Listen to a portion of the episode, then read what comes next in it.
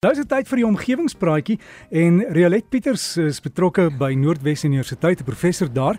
En Rialet het gesê wil praat oor spermtellingkies en ek het sommer net so ding in die in die bos gegooi om te sê die stand van sake, maar dis ernstige sake, né? Goeiemôre. Môre Derek en luisteraars. Ja, vandag se bydra ondersoek die vraag of spermtelling en spermkwaliteit van die mens besig is om af te neem. Hou dit 'n wesenlike gevaar in vir die mens se voortbestaan? En ons kyk maar net na 'n paar van die faktore wat bydra tot die vermindering van spermtelling en kwaliteit. Ek steun grootliks op die bydrae van die wetenskapskrywer David Robson wat aanlyn op 16 Januarie van hierdie jaar in New Scientist verskyn het.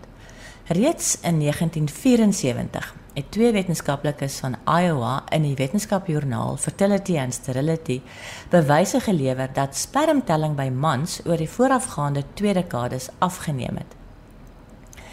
In 1951 het 'n milliliter semen gemiddeld 107 miljoen sperms bevat. En teen die 1970s het dit afgeneem met meer as 50% na 48 miljoen. Teen die 1990s het dalende spermtelling toenemend aandag van die wetenskap ontvang, maar sommige wetenskaplikes was maar skepties. Hulle het die dalende telling toegeskryf aan die verskil in meettegnieke en dat die data bekom is van mans wat in elk geval by fertiliteitsklinieke aanklop om hulp en dus uit die staanspoor lae spermtellings sou hê. Maar hierdie skeptiese houding is aan die taan en is die vraag deesdae eerder hoekom die spermtelling afneem en wat om daaromtrent te doen. Volgens 'n 4 April 2023 berig op die Wêreldgesondheidsorganisasie se webblad, sukkel 1 uit 6 mense wêreldwyd met vrugbaarheidsprobleme. En alhoewel daar 'n magdom oorsake hiervoor kan wees, kan tussen 30 tot 50% van die gevalle van onvrugbaarheid gekoppel word aan probleme met die hoeveelheid en die kwaliteit van die semen. Sperms swem te stadig, dis nou hulle motiliteit en of hulle het genetiese defekte, veral gefragmenteerde DNS. In 1997 het epidemioloog Shanna Swan, toe van die departement van gesondheidsdienste in Kalifornië en haar medewerkers, data hersien van 'n vroeëre Deense studie en het bevestig wat die Deense navorsers bevind het, naamlik dat daar wel 'n afname in spermdigtheid was in veral die Verenigde State van Amerika en in Europa en tot 'n mindere mate in nie-westerse lande. In 2017 publiseer dieselfde Dr Swan en medewerkers in Human Reproduction Update die grootste metadata-analise tot op daardie stadium. Tot op daardie stadium.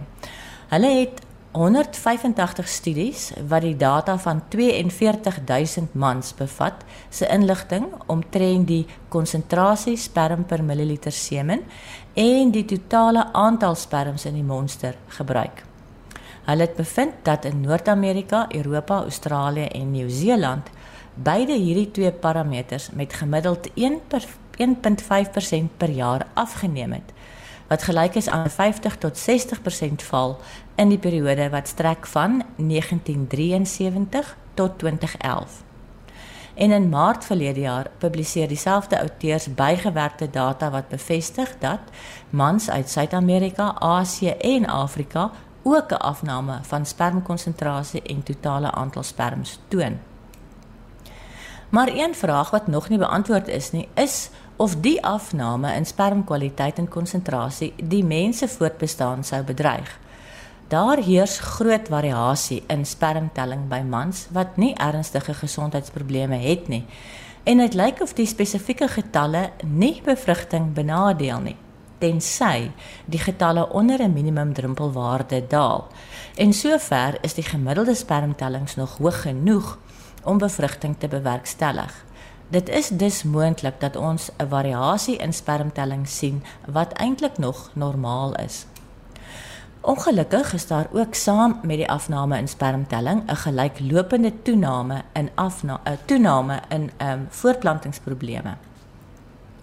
So is daar in 2021 in European Urology Oncology 'n toename in testikulêre kanker in die VSA oor 4 dekades aangeteken en meer en meer kinders word gebore met abnormale geslagsorgane.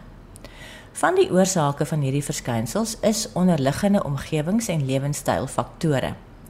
Dit lyk of chemikalieë soos plastiekbestanddele en plaagdoders hiertoe kan bydra. Verbindings wat hierdie soort skade aanrig word kollektief hormoonontwrigters genoem en is veral blootstellings aan hierdie chemikalieë tydens die baie vroeë stadiums van ontwikkeling wat ernstige skade kan meebring.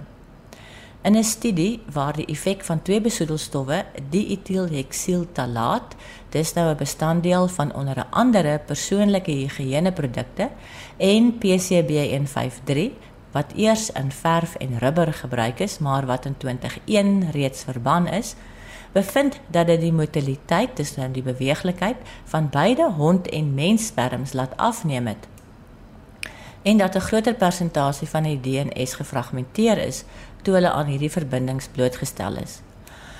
Al is PCB's verban, kom hulle steeds in die omgewing voor omdat hulle nie maklik afbreek nie. Daar is ook bevind dat bisphenol-A, dis nou BPA, die bestanddeel wat plastiek hard en stewig maak en wat gebruik word in plastiekkosverpakkings en hervulbare waterbottels ook spermtelling verlaag. Deesdae word BPA met BPF en BPS vervang, maar BPF wat op bulsperms getoets is, het die spermmotiliteit en kwaliteit ook maar laat afneem. BPS het darm nie dieselfde invloed op die merkers gehad nie. Maar dit is nie net omgewingsbesoedelstowwe wat spermkwaliteit beïnvloed nie. Dieet dra by. Studies dui daarop dat oorgewig mans minder semen produseer, laer algehele spermtellings het en verminderde spermmotiliteit het. In 'n studie waarin 176 paartjies vrugbaarheidsbehandeling ondergaan het, is gevind dat vir elke 5 cm toename in midrif omtrek van die man spermkonsentrasie afgeneem het met 6.3% en was daar 'n 9% afname in die kans op 'n suksesvolle swangerskap.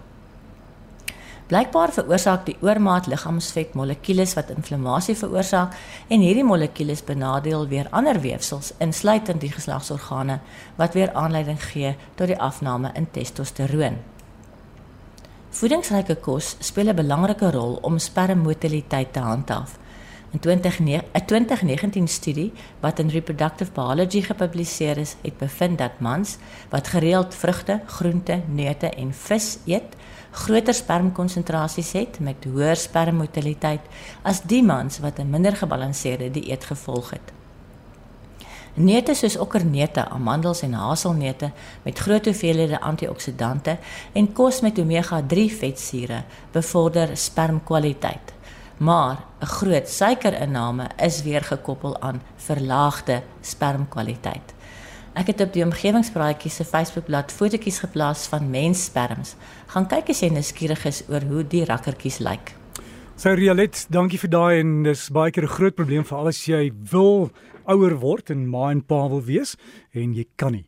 En as jy wil kontak maak, gaan loer net op die omgewingsbraai praatjies se uh, bladsy op Facebook. Jy kan inligting daar kry en soos Rialet gesê het, die fotos.